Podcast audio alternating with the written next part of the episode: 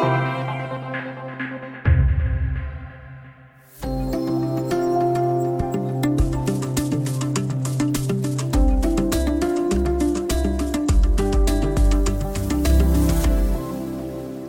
Bolag som Facebook och Twitter har länge kritiserats för att inte göra tillräckligt för att motverka desinformation och antidemokratiska rörelser och för att inte acceptera ansvar för vad som publiceras på deras plattformar.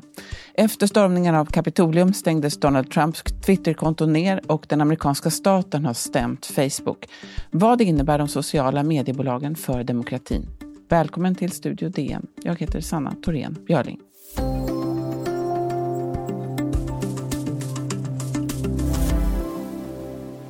Ja, det var länge sedan sociala mediebolag bara var just sociala kanaler.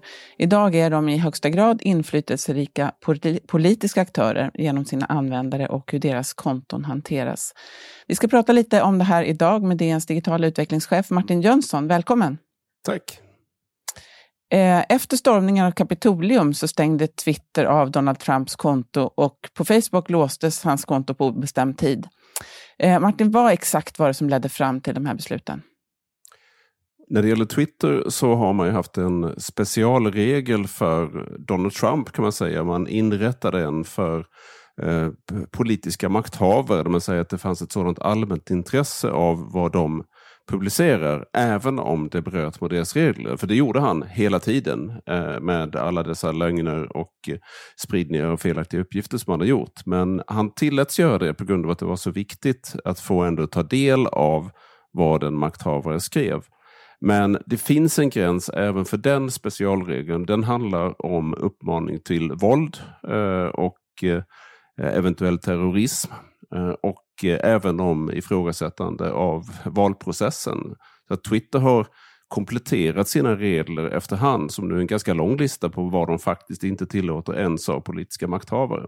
Så det var väldigt uppenbart att det gick inte längre att på något sätt motivera att låta Trumps påståenden stå kvar. Eh, och ungefär samma slutsatser kom Facebook och Youtube och Twitch och många andra företag också fram till. Facebook plockade samtidigt ner tiotals miljoner olika inlägg och konton Eh, det gjorde man även på, på Twitter. Men vad kan man säga hur, om hur det här urvalet har gjorts? Det som många kanske inte känner till är att Facebook eh, och Twitter plockar alltid bort tiotals eh, miljoner inlägg. Det gör man på daglig basis, men man gör det utan att någon ens hinner se dem. Man gör det algoritmiskt därför att det bryter mot, mot deras regler, till exempel vad det gäller pornografi eller uppmaningar till extremistiskt våld eh, video från IS och den sortens saker. Det tas bort inom några nanosekunder innan det hinner komma ut på, på plattformen. Så det här är inget nytt. Eh, de sociala plattformarna har alltid reglerat eh, vad som får publiceras. Eh, och det som är nytt är att det mer har blivit en, en politisk debatt om avvägande och timing kring det här. Men alla plattformar har regler. Alla plattformar eh, tar bort och eh, blockerar folk. Det gör Flashback, det gör Infowars, det gör samtliga som har någon form av kommentarsfält. Ta bort inlägg och blockera användare. Det är inget unikt för den här situationen eller för Facebook och Twitter. Men de här besluten som handlar om Donald Trump framförallt, eh, de är ju inte okontroversiella då. Vi har ju yttrandefrihet, avstängningarna har inte prövats av någon publicistisk nämnd eh, eller liknande. Eh, om man då ska bara beskriva för de som inte eh, följer det här lika noga som, som du eller vi i mediebranschen. Hur ser skillnaderna ut egentligen mellan hur traditionella mediebolag regleras och hur bolag som till exempel, till exempel Facebook fungerar? Det som skiljer är väl framförallt att det finns eh, i de flesta länder någon form av självreglerande system. Eh, om man vill kan man ju hävda att det bara är lagar som ska gälla och det är en del som nu säger i debatten kring detta, bland annat EU tycker att man ska inte kunna stänga ner en demokratiskt vald presidentskonto om man inte har lagstöd för det. Eh, men lagen eh, är ju, lägger ribban ganska högt eh, på vad som är, är förbjudet. De självreglerande systemen som pressetiskt regelverk som vi har i Sverige till exempel, de utgår mycket mer för att man vill skapa ett anständigt klimat där man liksom respekterar individer och det behöver inte vara lagbrott, men att man till exempel ska höra, höra olika sidor i en konflikt, att man ska ta hänsyn till unga, ta hänsyn till brottsoffer. Det är ju inget som är lagreglerat att man inte får publicera innehåll på ett visst sätt. Men man har kommit fram under många decennier till att man vill ha ett anständigt system. Men i till exempel USA så är ju eh, nästan allting tillåtet enligt eh, konstitutionen, enligt First Amendment. Det är väldigt lite, man pratar om hate speech, men hate speech är inte ens reglerat. Det är i princip tillåtet. Och om man då bara har lagen som grund så blir det ett väldigt brutalt klimat. Och det som är det specifika här är ju då att algoritmerna på de här plattformarna har gynnat den sortens eh, inlägg eftersom det har lett till mycket engagemang, delningar och eh, kommentarer. Mm, just det, det är lite känslor och, eh, och, konflikter driver trafiken. Absolut. Facebook har ju nu eh, tillsatt en, en, slags extern grupp. Det, den är ju inte mm. heller helt ny, men som ska avgöra då när och om Trump får komma tillbaka. Och där sitter folk från 18 länder. Eh, bland dem så finns den danska före detta eh, statsministern Helle Thorning-Schmidt och man kan se även chefredaktören, tidigare chefredaktören för The Guardian. De här, den här panelen har ju eh, hållit på med mycket eh, frågor om bröstvårtor och sånt där, vilka som får visas. Men nu ska de titta på Trump. Vad är det här för en panel, Martin? Eh, det är en Oversight Board kallas den som då har tillsatts av, av Facebook för att just kunna vara en, som de säger, en, en oberoende extern grupp som kan fatta principbeslut som ska vara ledande. Eh, man kallar, Facebook kallar det för deras högsta domstol. Intressant är att det också finns en, en eh, fristående extern Eh, the Real Oversight Board med många eh, aktivister som Maria Ressa, Shoshana Soshoff och andra eh, som tycker att den här, den här oversight-boarden är för styrd och köpt av, av Facebook. Så att debatten om det här kan föras från många håll. Mm. Vi ska alldeles strax tala lite mer om olika sätt att se på de här frågorna.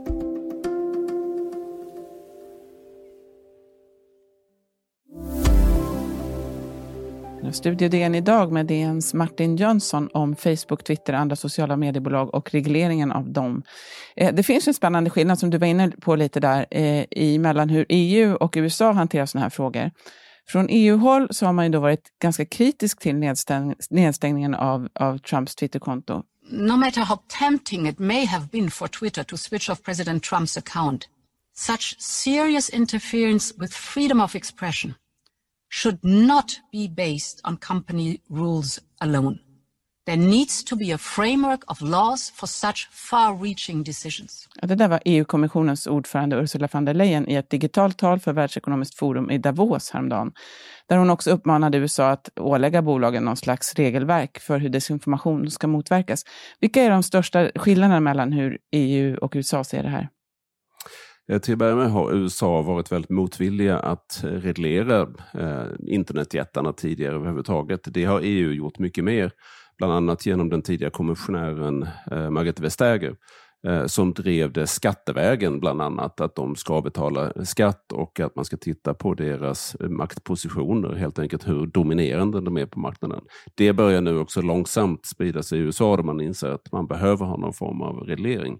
Men när det gäller just synen på lagstiftning så är det ganska stor skillnad mellan EU eh, och USA därför att USAs konstitution är mycket mer långtgående när det gäller yttrandefriheten. Man, det är mycket mycket mindre saker. Man får inte säga vad som helst i USA heller, men det är mycket mindre som är reglerat. Så när EU hänvisar till att man borde kunna hantera det här via lagar, eh, så ser man det ur ett europeiskt perspektiv där det möjligtvis är, är möjligt. I Tyskland till exempel finns det väldigt strikta lagar om eh, om vad man får säga och där måste Facebook eh, och Google ta bort innehåll för att inte de ska bli, bli stämda. Men det gäller ju inte i, i, i alla länder.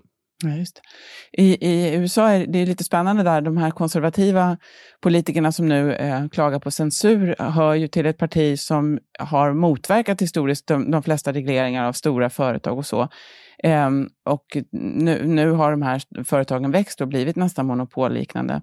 Det har ju lett till att den amerikanska staten genom Federal Trade Commission och 46 delstater har stämt Facebook för att försöka inta en monopolliknande situation genom att köpa upp potentiella konkurrenter. Och de vill att man säljer här, Instagram och WhatsApp. Eh, vad, vad kan man säga om det här fallet och vad kommer att avgöra om hur det går? Det är inte enkelt kan man väl konstatera, men att det har en monopollagstiftning som eh, inte lyckades förhindra till exempel att Facebook köpte just Instagram och WhatsApp och blev så totalt dominerande. Eh, på den här marknaden eh, har ju uppenbarligen misslyckats och därför så börjar man inse ganska många delar av, av den amerikanska eh, debatten, samhället, även, eller inte minst inom Silicon Valley, i techvärlden, att det, det behövs någon form av reglering för att, för att företagen inte får bli för dominerande. Så att det, det, den är nog ofrånkomlig och det är nästan så att bolagen själva nu acceptera det, att det behövs i någon form, därför att de har blivit för dominanta. Hur lång tid kommer det att ta, tror du? Är det ett fall som tar flera år, eller går det fort? Det har ju tagit, om man säger, den, den diskussion som har varit kring hur Facebook eh, misskötte valet 2016 och lät det valet bli påverkat av externa aktörer eh, och eh, utländska länder och inhemska aktörer lyckades styra opinionsbildningen och, och eh, på ett sätt som inte var, var avsett, så har det egentligen inte hänt någonting på, på fyra år, utan Facebook har fortsatt att möjliggöra de här sakerna. Man kan köpa väldigt riktade målgrupper mot, med, eh, med politisk propaganda och de har gynnats väldigt mycket av, av deras algoritmer.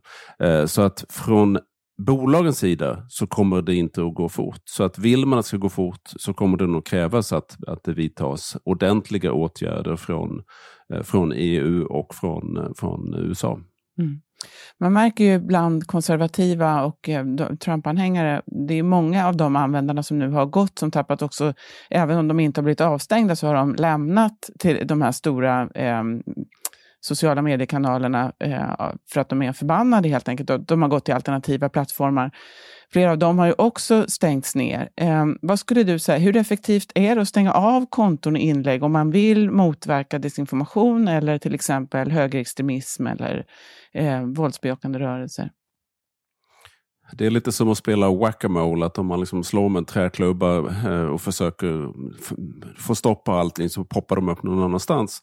Men det finns ändå en avgörande skillnad och det är när dessa plattformarna är så stora och det blir så dominerande eh, från aktörer som driver till exempel en fråga om, om eh, valfusk.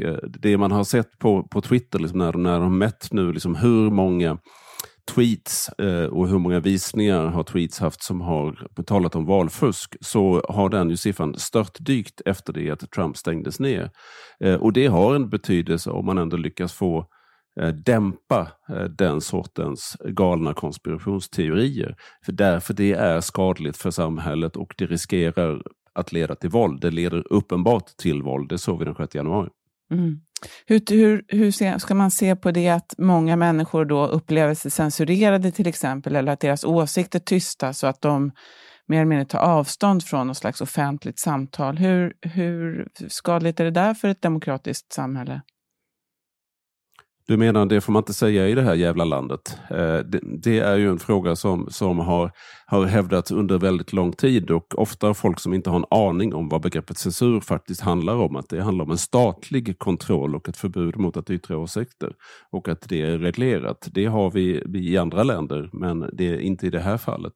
Eh, företagen Eh, Eh, har rätt att själva bestämma vilken sorts arena man vill att deras plattform ska vara. Ska det vara en arena som har något drag av anständighet och respekt för användarna eller ska det vara en arena som tillåter hat, hot, uppvigling, eh, uppmaningar till extremt våld, eh, underminerande av den demokratiska processen.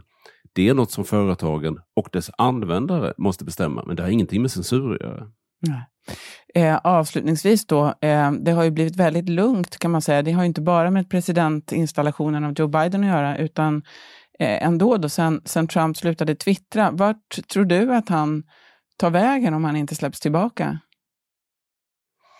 Eh, stormöten till exempel, eh, möten i offentligheten, eh, tv-kanaler. Vi har ju sett eh, OAN Network till exempel och andra eh, Supermax och sådant som har blivit, eh, som är lite mer i marginaler men som är kanaler som har, eh, har eh, hans fans har hittat fram till. Eller om han startar Trump Network eller Trump TV eller vad det nu blir. Eh, på något sätt kommer han ju säkert, helt enkelt av kommersiella skäl, eh, så kommer han att kunna hitta någon plattform.